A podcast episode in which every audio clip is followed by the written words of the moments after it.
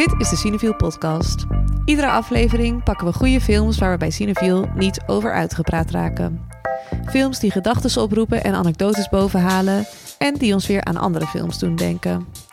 Vandaag bespreken we folk horrorfilm Men, de nieuwste creatie van Alex Garland, die eerder onder andere Annihilation en Ex Machina maakte. Hello. Hi. Mrs. Marlowe, yes? Harper, yes. Do, come in. In Men gaat Harper, gespeeld door Jessie Buckley, na een traumatische gebeurtenis in haar eentje naar het Engelse platteland, maar wordt ze daar achtervolgd door mannen. A man followed me out of the woods. He was stalking me. What makes you say that? I saw him twice. Twice. I don't know if he saw you once. We gaan het hebben over het eerdere werk van Alex Garland, over studio en distributeur A24.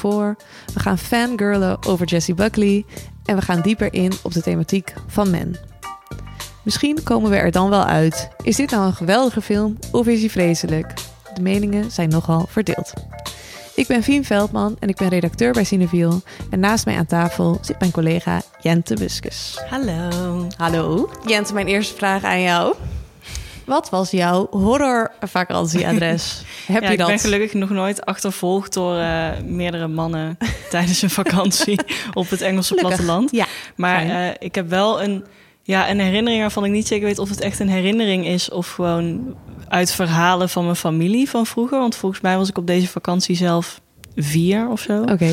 Ehm, maar we hebben een eh, legende van de boze boswachter in onze familiegeschiedenis.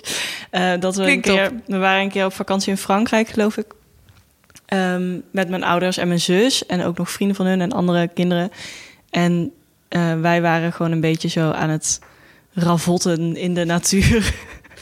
om het huis heen. En toen zijn we ja, of door een boer van het zijn erf afgejaagd... die echt helemaal woest werd dat wij daar waren. Of door een boswachter. Het is een boswachter geworden in de, in de, legende. familie lore. Ja. Eh, maar ik ben nu nog steeds heel erg bang als ik ergens in een natuurgebied of op een weiland of zo ben, dat ik daar eigenlijk niet mag zijn. Ik was laatst was ik in Engeland en daar heb je zo'n daar heb je een wet wat right of way heet, dat je in principe door elke Oh ja, weiland door of zo weiland mag, mag als lopen. dat de kortste weg is ja, of maar je moet Ja, dan wel in op het ook. pad blijven. Ja. En ik was er met andere mensen en ik ben dan echt zo'n panisch figuur die dan de hele tijd zegt van... ja, jongens, zitten we wel goed? Mogen we hier wel lopen? ik ben gewoon heel erg bang dat er weer een keer een of andere boze, boze man achter me aankomt rennen... met een jachtgeweer. Ja. nou, dat is wel een beetje zoals deze film. Dus Ja. eh, ik zie het wel eh, voor me eigenlijk. Zo gewoon iemand die uit het bos opdoemt. Ehm, ja, mijn eigen horrorvakantieadres is een stuk onschuldiger. Ehm, ik was vorig jaar eh, in de zomer gaan glampen. Met het idee dat het glamorous. Eh, maar dat was het dus helemaal niet. Want elke avond weer zat er een muis in onze tent. Tragisch. Ja, dat is Ehm, wel echt horror. voor mij persoonlijk is dat best wel horror. Ik dacht gewoon, oh chill, ga ik lekker in de natuur. Maar zo dichtbij hoeft de natuur voor mij nou ook weer niet te komen. Maar goed, laten we het hebben over Men. en waar deze film over gaat. Ja, die, dat boswachterverhaal, dat zei er al wel iets eh, over. Eh, maar goed, even een beetje achtergrond. In Men is eh, Harper, de hoofdpersoon, getuige van de gruwelijke zelfmoord... of was het een ongeluk, dat weten we niet... van haar abusive echtgenoot. En zij vertrekt als weduwe en dus als survivor van, van huiselijk geweld...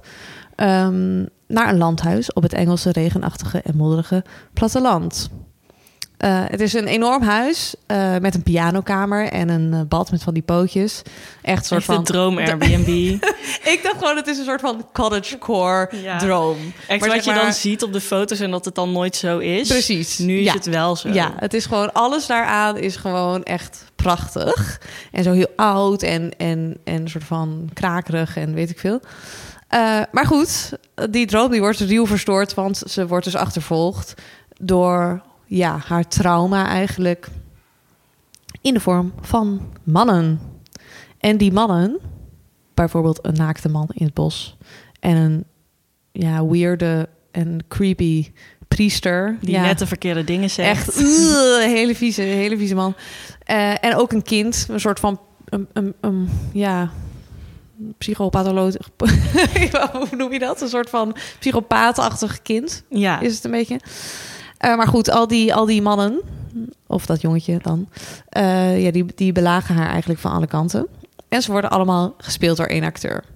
Namelijk Rory Kinnear. die echt fantastisch Die echt is in deze film. fantastisch is in deze film. Nou, in ieder geval, tot zover het plot. eh, want er gebeurt natuurlijk nog veel en veel meer. Dit is echt alleen nog maar de opening. En ehm, we willen deze film verder niet spoilen. Dus kijk Gaat dat zien. maar. Gaat dat zien, inderdaad. En deze film, vind ik, roept heel veel vragen op... die wij niet allemaal kunnen gaan beantwoorden in deze podcast... maar die we wel kunnen gaan stellen. Ik, had, ik heb een lijst vragen gemaakt, namelijk... Zijn alle mannen hetzelfde? Zijn het allemaal enge predators die elkaar voortbrengen? Is er een cycle of abuse te vinden in deze film? En zo ja, hoe dan? Is het slim om als vrouw in je eentje naar een afgelegen huis op het platteland te vertrekken waar geen internet is? Of is dit victim blaming? is men een feministisch statement? En hoe dan precies? Ja. Nou, Jente, succes. Ja.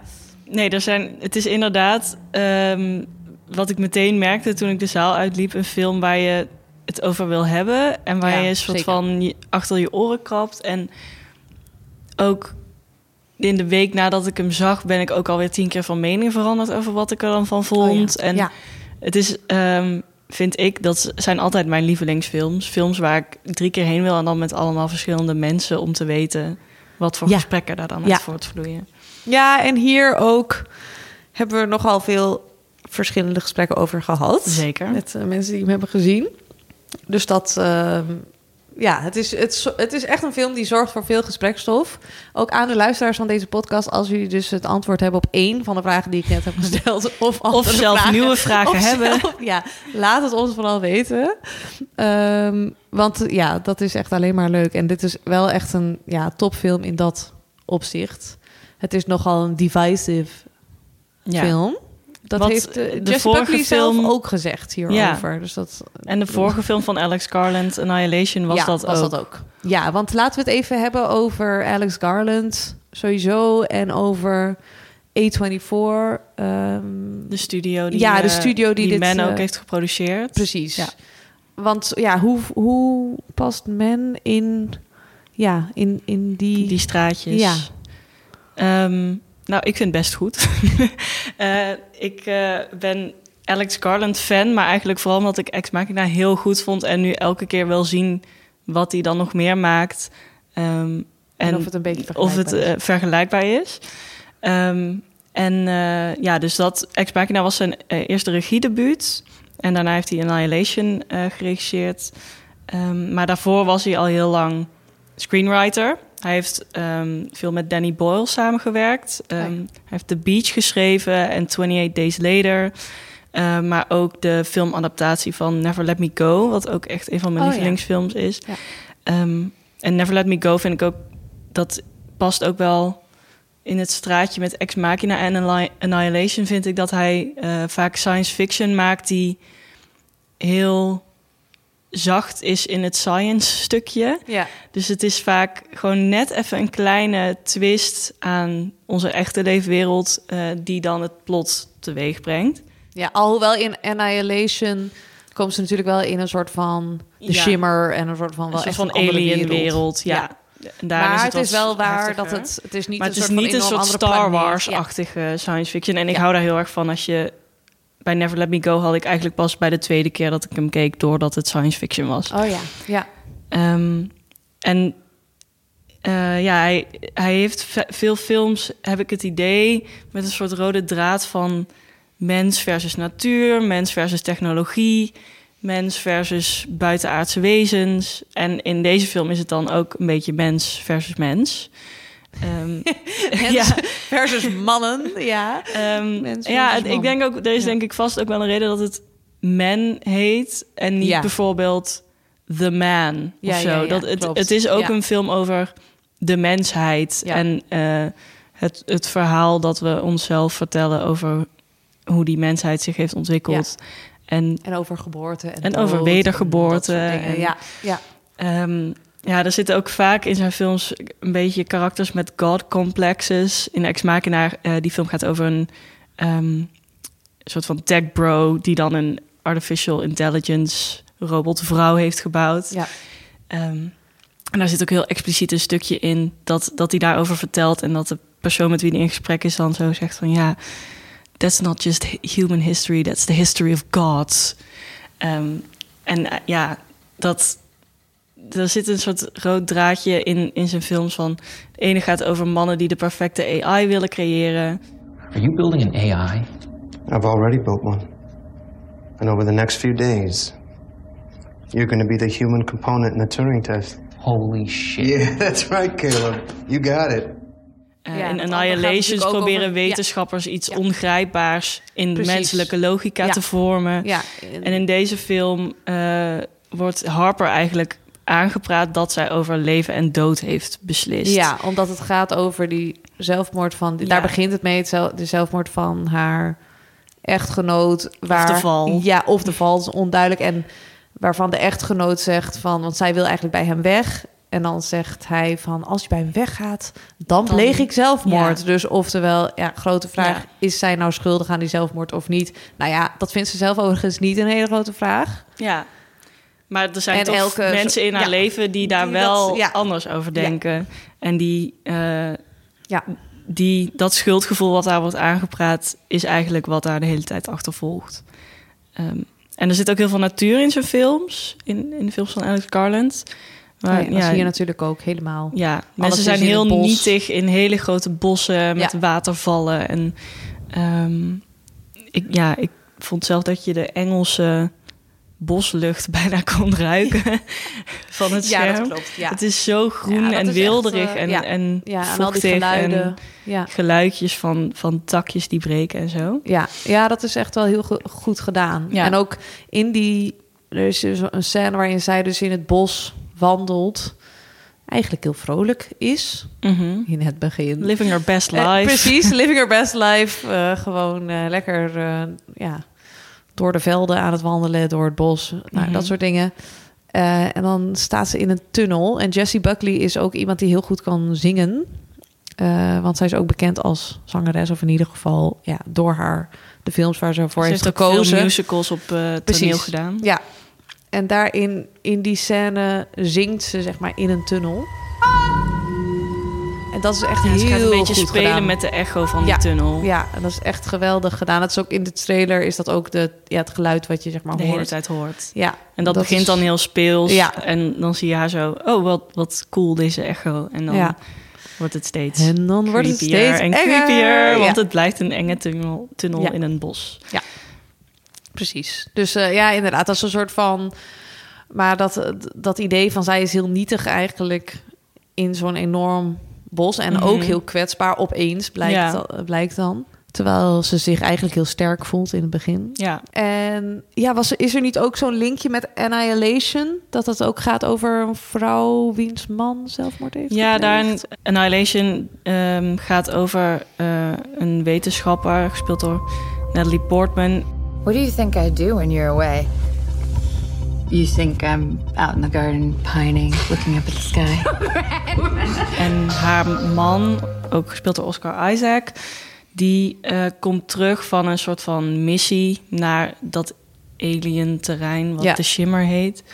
Ja. Ehm, En hij is gewoon niet dezelfde persoon. Hij is getraumatiseerd of forever changed, gemuteerd misschien zelfs. En daar wordt hij dus helemaal depressief en suicidaal van. En dat wordt dan ook weer in verband gebracht met het feit dat zij is vreemd gegaan terwijl hij weg was. Oh, Dus ja. het zijn allebei Ja. films Zo, waarbij een vrouwen soort met van, een schuldgevoel. Ja, of een, een aangepraat schuldgevoel Ja, of een terecht schuldgevoel. Ehm, dat soort van de mentale toestand van hun echtgenoten Ja. hen wordt verweten. Ja. Eigenlijk. Ja, klopt. Ja, dat is opvallend, ja.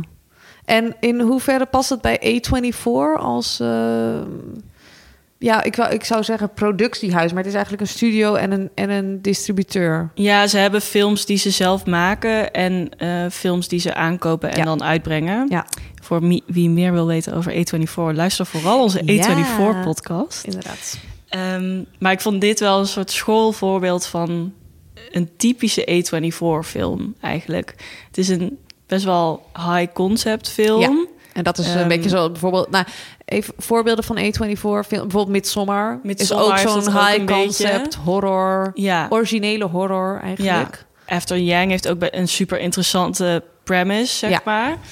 En dat kan heel goed uitgewerkt worden. En dat kan ook soort van blijven bij de Het premise. is een goed Ja. concept en dat was het. Ja, Ja, ze Ja. zijn ook gewoon heel erg goed in die concept op de markt zetten, vind ik altijd. Hun trailers zijn altijd super goed in elkaar gezet. En dat je denkt, wat is dit? Dit wil ik ja, zien. en hun merch is echt de beste Hun merch die je kan Ehm, verzinnen. Ja, dat klopt. En eh, altijd zeg maar grote namen die dan grote indie namen zijn. Zo als ik Jessie Buckley Ja. op een poster zie, dan wil ik gewoon naar die film Ja, toe. ik ook. Ehm, ze hebben eigenlijk een soort van nieuwe categorie aan filmsterren in hun lijstje staan. Ja. Die niet de Tom Cruises zijn, maar wel dus ja, de, een beetje de alternatief. Florence Pugh ja, en ja. eh, ook Oscar Isaac ook al een beetje. En ehm, in deze film dus Jessie Buckley. Ehm, ja, ik, en ik vond het wel interessant. Ik zat dus vandaag even naar het lijstje van de films die ze recent hebben uitgebracht te kijken. ja. En dat zijn de laatste tijd steeds vaker films die ze zelf ook hebben geproduceerd. Dus en geproduceerd en gedistribueerd. Eh, Everything Everywhere All at Once is daar een voorbeeld van. After Yang, X, eh, The Tragedy of Macbeth. Ehm, en ik ben wel benieuwd of we dan, als je over twintig jaar daarop terugkijkt, of je dan echt Ja. een soort van A24-stempel Ja, ziet. Ja, Want ik vind, je ziet dat bij Netflix-films altijd heel erg. ja, klopt. Dat je, ik zie bijna aan het soort lens of zo. Ik, ja, niet dat ik iets weet van lenzen, maar ik heb altijd het idee dat ik gewoon puur aan de esthetiek kan zien dat het Netflix is. Terwijl Netflix ook een film als Roma uitbrengt, die ze dan niet hebben geproduceerd, maar Ja. wel ehm, streamen. Ja, maar dat is echt iets, de tijd zal het eh, leren of zo. Ja. Toch? Ik bedoel, of kan je er nu al iets... Ja, je het, nu is- al het- iets er zeggen? zit wel een soort van sfeertje aan A24, ja, heb ik er zit wel een het sfeertje idee. aan. En ook wel, het zit altijd op de grens van een soort van super populair, maar ook alternatief. Dus het Ja. voelt ook altijd alsof je een soort van in bent on the, on the joke of zo. Of, ja, hoe zeg je dat? Een soort bij de in, film in-crowd hoort. Ja, Eh, terwijl A24 te- tegelijkertijd gewoon natuurlijk een enorme ja, eh, following heeft. Ja, helemaal precies. niet, waardoor je helemaal niet zo'n speciale filmnerd bent als je misschien denkt. het is een beetje als zeg van, oké, Pulp Fiction, dat is zo'n underground indie filmpje van een nieuwe regisseur die Quentin ja. Tarantino heet. Ja. Maar goed, maar ehm nou goed, eh, mocht je hier meer over willen weten, eh, luister onze A24-podcast.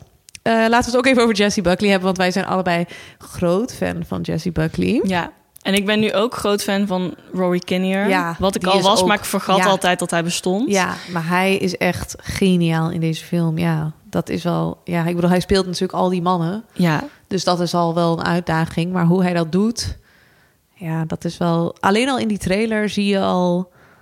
Hoe, Ja, hoe Ja, hoe- ultra versatile Ja, iemand precies. moet zijn. Om Terwijl dit ik te ken hem doen. alleen maar uit van die rollen, zoals hij speelt in de James Bond film, zo'n MI6 Oh ja. agent. En in Black Mirror was hij saai. de minister-president Oh en ja. zo. Hij heeft altijd van die droge man. politieke rollen. Ja. Dus ik vind wel fijn dat hij eindelijk een keer uit die typecasting ja. kan komen. Maar Jessie Buckley. Maar Jessie Buckley, ja, daar moeten we toch wel even specifiek Want we hebben nog Even overwogen om over samen hebben. een Jessie Buckley fan podcast ja, aflevering om te daar, maken. om het daar gewoon alleen maar over te hebben. Maar goed, dat hebben we, eh, ja, dat idee hebben we van tafel geschoven. Maar in ieder geval even een Wie weet minuutje. ooit. Even een minuutje fangirlen over Jessie Buckley. Nou, Jessie Buckley, voor degene die dit totaal heeft gemist, ehm, is dus actrice. ehm, en deed toen ze 17 was. Ze is inmiddels denk ik nou, ergens begin 30 of zo. Toen ze 17 was, begon haar carrière. Want toen deed ze mee met de BBC talentenshow I Do Anything. Echt zo'n soort van, ja, The Voice avant la lettre. Ja. Ja. zeg maar, dit was echt 2007 of zo. Dus dat is best wel, eh, oh ja, een lange tijd geleden. In ieder geval, dit was een ta- talentenjacht... waar men op zoek was naar een hoofdrolspeelster in de musical Oliver Twist. Just want to find me again because I feel like I'm just completely lost. Jesse, how are you? I'm good, thanks. How are you? dreams you dreamed have all gone astray. En ze werd tweede, wat totaal onbegrijpelijk is. Maar goed. Ehm, nou ja, dat was dus het begin van, eh, van een soort van musical carrière eigenlijk. Die, tenminste, dat, in die jury zat ook Andrew Lloyd Webber, weet je wel. Dus ja, dat, dat was een beetje dat idee van die gaat het eh, theater in. Eh, toen heeft ze in, in allerlei BBC-producties gespeeld. In Chernobyl, die, die miniserie was er ook heel goed van. HBO. Ja. En misschien sinds 2016, 17 speelt ze in wat grotere Ja, films. 2017 was de eerste grote filmrol. in Beast. In Beast. Ja. En ik ging kijken op mijn letterboxd naar ehm, de films met Jessie Buckley die ik had gezien. en toen had ik, zag ik een Ja. oude review van mezelf van Beast met gewoon alleen de zin Jessie Buckley is magic. En daar Want had je is ook- helemaal Dat is gelijk gewoon de hele film. Zij heeft een soort van... Een, Het is een echt zo. Zij heeft een heel bijzonder presence gezicht. waar Ja. je gewoon niet van weg kan kijken. Nee. Nee, dat klopt. En ze heeft een, ja, ze heeft echt een, ja, nou ja, goed. Eh, k- ja, voor degene die niet weet wie Jessie Buckley is, kijk gewoon, kijk gewoon. en Kijk je gewoon snapt alles. het onmiddellijk. Nou, ik werd bijvoorbeeld fan toen ik Wild Rose had gezien. En daarin speelt ze dus eh, eh, iemand uit eh, Glasgow, een alleenstaande moeder, die naar Amerika wil vertrekken om het te maken als countryzangeres. En ze zingt Al een dus, topverhaal Ja, ook. dat is inderdaad sowieso al een topverhaal. Maar de country scene in Glasgow is dus schijnbaar echt heel erg groot. Ook gewoon in het echt, niet alleen in deze film. Ehm, en ze zingt dus ook al die nummers zelf. En die soundtrack van die film, die heb ik eigenlijk eerder geluisterd dan dat ik de film heb gezien. Eh, want die hoorde ik gewoon ergens een keer en ik dacht, wat is dit eh, voor eh briljant? En toen was het dus Jessie Buckley die allemaal liedjes, eh, allemaal van die country classics eigenlijk zingt. Never get too big, never get too heavy, never get too cool. You stop paying your dues. Oh yeah. What can a poor boy do? Dus daar luister ik nog eh, heel erg vaak naar. Ik hoop ook dat ze weer eens een keer echt een filmmusical rol gaat doen. Ja, dat zou wel. Ja, het zou Echt een soort. La La Land-achtig iets. Dat, want volgens mij kan ze ook echt dat, dat Broadway-achtige Ja. zingen echt supergoed. Daar heeft ze wel de stem voor. Nou, dat heeft ze dus ook in dat I Do Anything. zie je haar als dus als Oliver Twist 17-jarige kan, ja. dat al doen. In zo'n glitterjurk. En eh, nou, echt heel, heel grappig.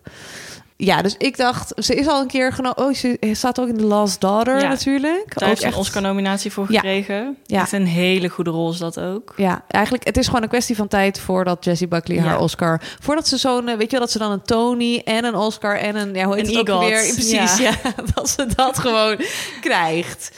Ehm, ja, ik dacht misschien kunnen we zo'n prijsvraag doen... en dan zo'n ultra langlopende prijsvraag van...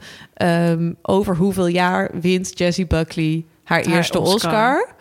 Haar eerste Oscar. Ja, de eerste van velen. Inderdaad. Ja. En eh, antwoorden eh, mogen naar redactie.cineviel uh, worden gestuurd. En wie er wint, dat weten we dan dus pas als Jessie Buckley haar Oscar heeft. Eh, maar die krijgt dus echt een superleuke prijs. Maar misschien dus wel Want die superleuke over- prijzen weten we ook nog nee, niet. maar dat weten we misschien over dus drie jaar of vijf jaar. Of nou ja, wanneer Jessie Buckley eindelijk eens een keer heeft gewonnen. Ik denk niet de eerstvolgende Oscars, maar die daarna. Oké, dus Ze jij gaat nu- voor Ja, 2024? Oh nee, ja. gaat nu spelen in een film ehm, die Women Talking heet. Ook een, een toptitel. Oh ja, Ehm, naar dat boek van eh ja, en die dat is een, een Canadese auteur. boekverfilming over ja, een groep eh, Vrouwen in de schuur. in een, in een schuur, ja. Eh, die in een soort van Mennonieten Ja. gemeenschap leven. En dan in, eh, eindelijk eens een keer gaan bespreken hoe vreselijk Hoe- zij behandeld Ja. worden. Dat is Met inderdaad een boek een- van, hoe heet zij ook alweer? Eh, Miriam Toes, als ik het goed uitspreek. Ja. En die is zelf ook in zo'n gemeenschap opgegroeid. Ja, en de cast van die film is echt geweldig. Echt Frances McDormand, Claire Foy en dan dus Jessie Buckley. Ehm, oh, ik zie al helemaal weer een Whishaw. podcast. eh, ehm, maar ja, hij komt wel in 2022 uit, die film. Oké, dus dan gok ik dat het de, bij de volgende Oscars wint zij een Oscar voor die film. Dat is mijn eh, inzet. Oké, andere inzendingen voor deze prijsvragen, die eh, zijn welkom. Ik ben, eh, ja, ik, ja, ik ben benieuwd. Ehm, Oké, dat Jessie Buckley eh, briljant is, dat weten we nu wel. maar wat, Jente, vonden we van de rest van deze film? Want eerlijk is eerlijk, wij hebben wel echt een Mixed andere feelings. kijkervaring. Ja. Ja. en mixed feelings. Voordat wij naar de film gingen, hadden wij al allerlei, uit allerlei hoeken reviews Ja, gehoord van collega's die hem op kan hadden gezien. ja, eh, de- online de ene dingen gelezen. Ja, de ene gaf hem anderhalve ster en de ander die vond het echt een briljante film. Ja, Dus het was al wel dat we dachten, ja, waar gaan we heen? waar gaan we heen? ja, ja. Ja, ik heb dus echt geprobeerd om er zo neutraal mogelijk in te ja, gaan. ik kan Ook- dat dan al niet meer. Ja, ik had dus van tevoren ook niks erover gelezen. En het enige wat ik dus wist was gewoon Jessie Buckley. Horror. In vol Mannen. horror. Mannen. ja. ja, dus, eh, eh, dus... En dat vond ik eigenlijk wel... ehm, nou, daardoor vond ik het wel prettig gewoon van... Ja, de eerste helft vond ik bijvoorbeeld echt heel spannend. En Ja. wel af en toe een beetje... Ja, simplistisch misschien met symboliek en dat soort dingen. Maar toch, weet je wel, Jessie Buckley is gewoon ultra goed. Rory Kinnear is ultra goed. En die twee, die dragen gewoon die, Die film, hele film, echt ja. totaal. En het was echt eng. Ik vond het echt eng. Ja, ik bedoel, ik ben ook wel snel bang. maar toch vond ik het wel echt eng. Maar toch, ja, na ongeveer die helft dacht ik... ja, er zitten zoveel dingen in die wel echt zo voor de hand liggend zijn... en simpel. En dat, ja, dan, dan dacht ik van... ja, is dit nou een grap of is het serieus? En dan vrees ik toch dat het serieus is. Ja. Dus dat er toch een soort pretentie van iets semi-filosofisch, diepe gedachtegang eh, nog achter zit. Die bij jou niet Die bij mij echt totaal niet aankwam. Nee. Dus ja, daarvan dacht ik ja. Ja, ik kan natuurlijk niet helemaal precies zeggen hoe en wat, want ik wil, ik wil niks spoilen. Maar ja, waar gaat het dan over? Ja, over hoe verschrikkelijk mannen kunnen zijn en hoe de ene toxic man eh, de andere voortbrengt. En dat zelfs de mannen die ons zouden moeten helpen, namelijk de politieman en de priester en weet je wel, de beheerder van het huis. gezicht hebben als de Allemaal mannen het- die proberen precies. binnen te dringen. Ja, dat, dat Letterlijk. zelfs die heel vreselijk zijn. En dan denk je zo van, ja, was, was dit het? Was dit het punt? Want... Maar dat vraag ik me dus ook af, weet je wel? Ja. Van, kijk, Nou je- kijk er ook een beetje naar. vaak wel films waarvan je gewoon nooit gaat weten wat de intentie van de maker Nee, was. En, ook en dat hoeft hoe, ook niet, maar hoe slim de maker dacht dat hij was tijdens het maken. ja. soms. En zeg maar, ik Ja. ben niet per se heel erg op zoek naar die intentie, maar wel gewoon naar een soort van. Ja, ik wil graag dat er wel betekenis achter Oh ja, zit. ja. Weet je wel? Want dat vind ik interessant. Mhm. Maar de enige betekenis die ik eruit kan destilleren, die is gewoon heel simplistisch. Denk Ja. ik dan. Maar ja, jij had er wel weer andere. Ja, nou, ik heb sowieso heel erg een zwak voor films die eh, uiteenlopende meningen voortbrengen. Ja, ja, dat heb ik ook hoor. Ik ben bijvoorbeeld ook heel erg fan van Mother van Darren Aronofsky. Oh ja. Wat ook objectief zeker niet zijn beste film is. En eh, wat, wat ook een film is die inderdaad heel veel symboliek heeft. En heel erg op bijbelverhalen terugvalt. Wat eh, in Men ook af en toe gebeurt. Of folklore. Ehm, zonder dat het, dat het punt nog even een soort van goed uitgewerkt wordt. Ja. ja, dat er een beetje Ehm, zo ja. dingen worden aangestipt en Ja. gewoon zo, "Wop, dit, dit is ook even een En, ideetje. eh, ehm, Ja. ja. wat, ik had het ook bij Promising Young Woman. Ik hou gewoon heel erg van films die tongen losmaken. En dan kan ik eigenlijk al dit bijna niet meer goed 100% bedenken. zo'n film. ja. Dan kan ik ook al niet meer goed bedenken of ik nou de film interessant vind of de gesprek, het gesprek rondom Ja. de film. En dat boeit me dan ook niet echt meer. Ik heb. eh, ik kan dan juist meer genieten van een film die ik waarschijnlijk niet zo leuk had gevonden als ik niet wist dat iemand anders hem haat. Ja. Dus dat vind ik top. Ja. Ja. En, ja, en ik vond inderdaad wat jij zei ook, de horror in het, eh, zeker in het eerste deel, is gewoon heel effectief. ja.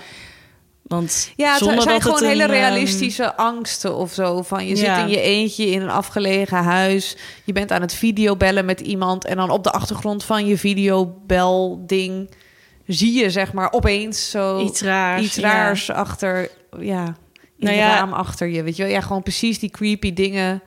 Ja, ik vind vooral de, de creepy dingen die eigenlijk niet eens per se eng zijn, maar omdat je weet dat zij een vrouw alleen in een huis op het platteland is, Ja, wordt, het wel. creepy. Want bijvoorbeeld eh, de eerste scène, of ja, de tweede scène van de film is dat zij aankomt in dat huis en door de ehm, man die het verhuurd de wordt rondgeleid. zeg maar, Ja.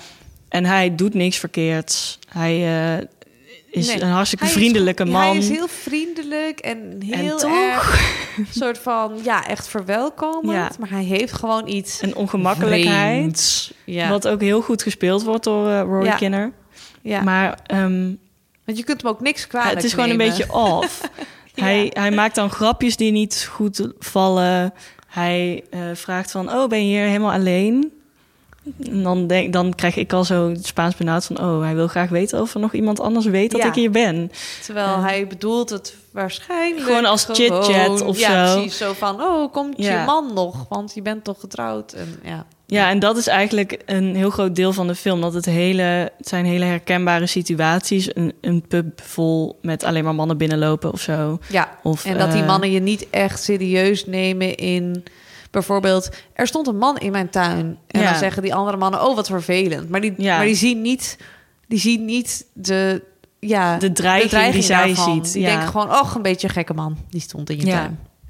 En waar ik, de- waar ik denk dat de mensen die de film echt vreselijk vinden, eh, het vooral een soort van de, de frustratie er vooral in zit, is dat die puntjes die werken supergoed aan zich. En die zouden Ja. misschien ook een hele goede korte film maken of zo.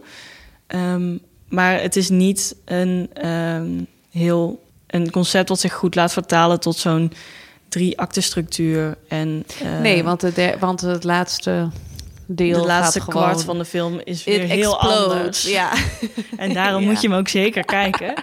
Ja, Ja. ja, ja. Maar ik heb er heel erg van genoten. Ik ben best wel makkelijk entertained ook. Ehm, Ik ook wel hoor. Ja. Dat, denk ik, dat, dat is het niet. Ik was ook best wel entertained. Maar het was meer omdat ik toch het gevoel heb... deze film heeft een grotere pretentie dan dat het waar kan maken of zo. mhm. Waardoor ik dat, dat dan... Dat vond ik er de irritante aan. Ja, Terwijl... Ja, als je misschien als je dan als je gewoon denkt, ik zie gewoon wat er op me afkomt. Ja, er komt nogal wat op je af. Eh, en dat is, ja, dat is wel gewoon, het is wel interessant. Ja. laat ik het zo zeggen. ja, en het is een film die, wat we in het begin ook zeiden, heel veel vragen opwerpt. Ja. En dan 100 vind, ben ik Ja. al gauw tevreden als ik met een leuk iemand naar die film toe ga en dan een leuke podcast na afloop kan opnemen. Ja, Eh, ja. ja.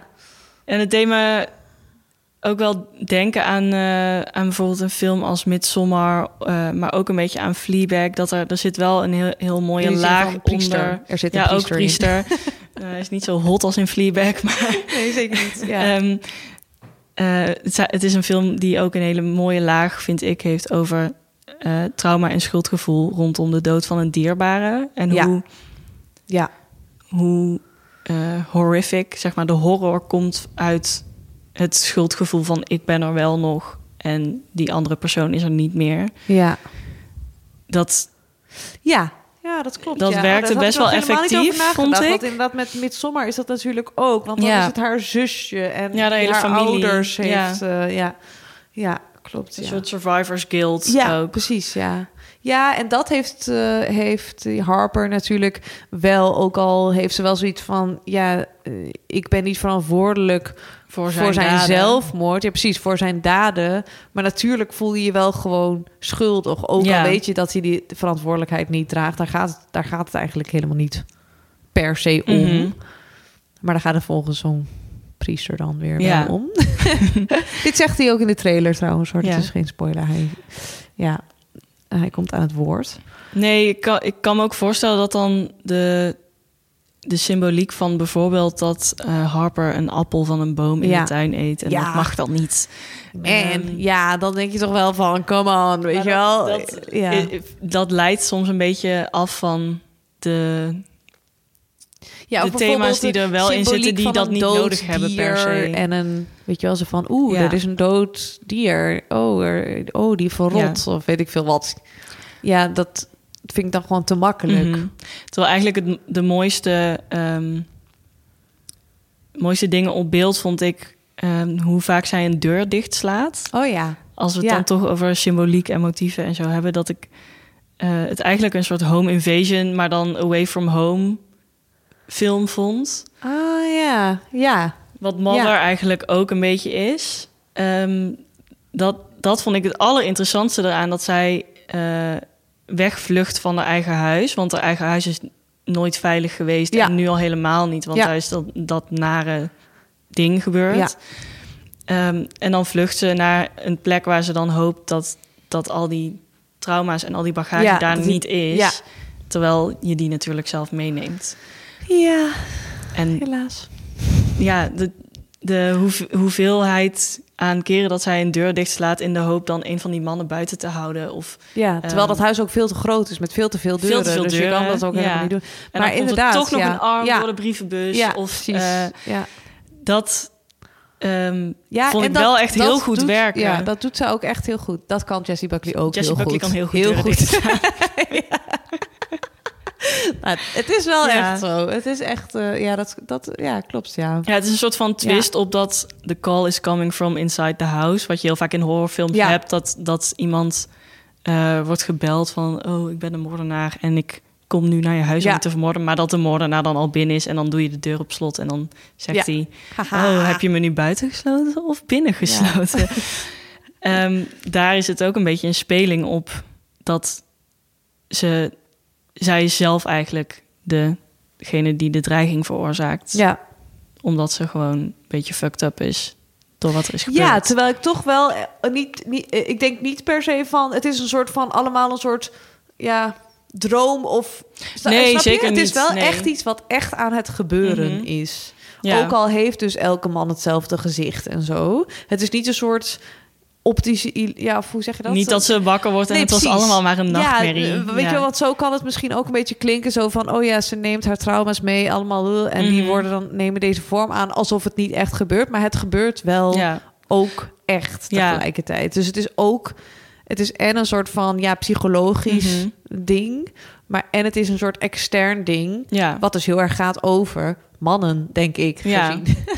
Nee, maar zo'n ontmoeting met Dus- zo'n priester zou natuurlijk Ja. ook veel minder eng zijn als je niet dat trauma zou Ja. hebben. Maar Ja. tegelijkertijd is het wel ook gewoon een enge priester. Ja, precies. Dus het is ook een externe, het is wel echt een externe dreiging gewoon van, nou ja, van mannen. Dus en, en wat mannen dus de hele tijd symboliseren in deze film. Mhm. Namelijk gewoon evil. Ja, weet ik veel. Gewoon wel echt slechtheid. Een- ja, een slechte kracht of ja, zo. Iets Ja. heel... De, de- ja. Maar goed, daar ben ik dus ook nog niet echt over uit van... Ja, heeft hij het nou echt over mannen de hele tijd? Mhm. Of alleen maar de mannen in haar leven specifiek? Het voelt wel alsof het gaat echt over mannen gewoon in het algemeen. Mhm. Zijn blijkbaar allemaal niet te vertrouwen... en een soort van potentiële... mm, ja, moordenaars, creeps. Ja, nou ja, dat, in, Ja. eh, ben ik, ben, dat weet ik gewoon niet. Dat weet ik ook nog niet. Misschien moeten we Maar een soort nee. podcast deel 2 of zo. eh, Als we eruit zijn. Ja, eh, ja. Nou, het is wel echt een film, vind ik, om opnieuw te kijken. Opnieuw te kijken en opnieuw te bespreken inderdaad. Want wat denk jij van die mannen, van de, van de mannentheorie die ik net heel halfslachtig heb geponeerd? Nou ja, ehm, ik denk dat het eh, wel heel interessant is wat voor eh, mannenrollen er in deze film zitten. Dat het Ja. ehm, bijvoorbeeld de priester en de politieagent Ja.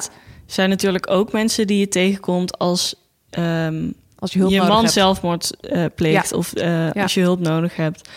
Ehm, dus dat vind ik ook wel heel interessant dat, dat die rollen zijn. Want het had ook een tuinman en een eh, Ja, postbode kunnen zijn geweest. Ja, ja zo'n klein jongetje dacht ik ook wel van... oh ja, dan zie je ook al van... oh ja, dat jongetje is misschien 13 of zo. Mhm. ik, weet- ja, hij heeft het hoofd van Rory Kinnear... dus je kan niet heel goed inschatten hoe, hoe, Hoe oud hij is. oud hij is. Maar ehm, ja, dat je dan ook ziet van... oh ja, al zo Mhm. jong is zo'n... is een Ja. een jongetje heel bedreigend ook voor een volwassen vrouw. Dat Mhm. is helaas ook wel Ja. echt zo. Wat echt heel tragisch is, vind ik zelf. Ja. Maar dat merk ik zelf soms. Ik vind het ook heel erg om langs groepjes Denk jongetjes van erg. 13 op straat te lopen. Echt erg. Maar dat, dat, dus dat. eh, Maar daarom vind ik het ook heel goed slim hoe ze eh, Rory Kinnear voor elke rol hebben gebruikt. Omdat hij, zeg maar, zijn gezicht is eh, wat de threat is eigenlijk. Dus wat het, het punt dan wordt, is dat ja, dit zijn allemaal verschillende mannen. En ze gedragen zich verschillend en ze zijn... eh, ze zouden niet per se bedreigend zijn gewoon als het een gewoon een politieagent was. Ja. Ehm, maar de mannelijkheid, en in dit geval is dat dus dan Roy Kinnear's gezicht, Ja. maakt dat je toch denkt van, oh, wat is hier aan de hand? Ik moet een beetje op mijn hoede zijn. Ja. En dat vond ik super effectief, dat je ehm, eigenlijk in haar hoofd zit dat ze doordat ze er trauma's en nare ervaringen heeft, al Ja, telkens hetzelfde van- herkent. ja, dezelfde patronen herkent Ja. in verschillende personen. En dat, je daardoor, En- dat ze daardoor- weet, ik kan het niet vertrouwen. Ja, maar daardoor gaat het ook weer niet de kant op van eh, alle mannen zijn vreselijk en verschrikkelijk en creepy. Heb ik het idee tenminste. Dat, want dat gevoel, daar ging ik niet mee de zaal uit. Ja, ik vond het best wel, ik vond het wel moeilijk om, te- nou, ja, om dat gewoon om, om te weten van, Mhm. ja, welk punt, welk punt wordt hier nou gemaakt? Mhm. Wordt er überhaupt een punt ja, gemaakt? wordt er Ja. überhaupt een punt gemaakt? Ja, ik las zo'n interview over Annihilation waarin Natalie Portman, denk ik, die speelt de hoofdrol, toch? Mhm. Ja, die geeft dan een interview en die zegt dan... deze film stelt meer vragen dan dat hij antwoorden geeft. Dan denk ik echt, ja, pff, wat is er nou weer voor Is dat een compliment? Ja, Ja. wat is dat voor stomme beschrijving? Een soort van ook veel te makkelijk om op Ja. die manier een beetje zo interessant te doen of zo. Mhm. Maar goed, dat is deze film helaas dus ook. Dat Ja. je denkt van, ja, hij stelt wel heel veel vragen, geeft niet heel veel antwoorden. Het is een beetje de vraag of je daar dus... Ja, ik vond het dus in dat opzicht wel heel onbevredigend. Mhm. Maar wel leuk om, om het erover Om het over te hebben, ja. dus, en dat alleen al is natuurlijk, vind ik, een hele goede reden om Ja. naar de film te gaan. Ehm, ja, dus ik weet niet of we eruit komen, Jente. Ik weet het ook niet of we daaruit komen. Maar misschien hoeft dat ook niet. Dat hoeft ook... Nee. Ja, dat vind ik dus wel, dat dat niet hoeft. Maar er zijn dus heel veel mensen die dat... Ja, Dit is echt Ja. een heel slecht gebouwde zin, Jente. Maar ik bedoel, ik hou heel erg van films waar ik heel gefrustreerd uitloop. ja. Nou, dit was wel perfect. Ja, Ja, nou, ik denk dat dit is gewoon zo'n film. Kijk, als hij eenmaal eh, overal draait, gaan mensen hier sowieso wel naartoe. Nee, nou, neem ik aan.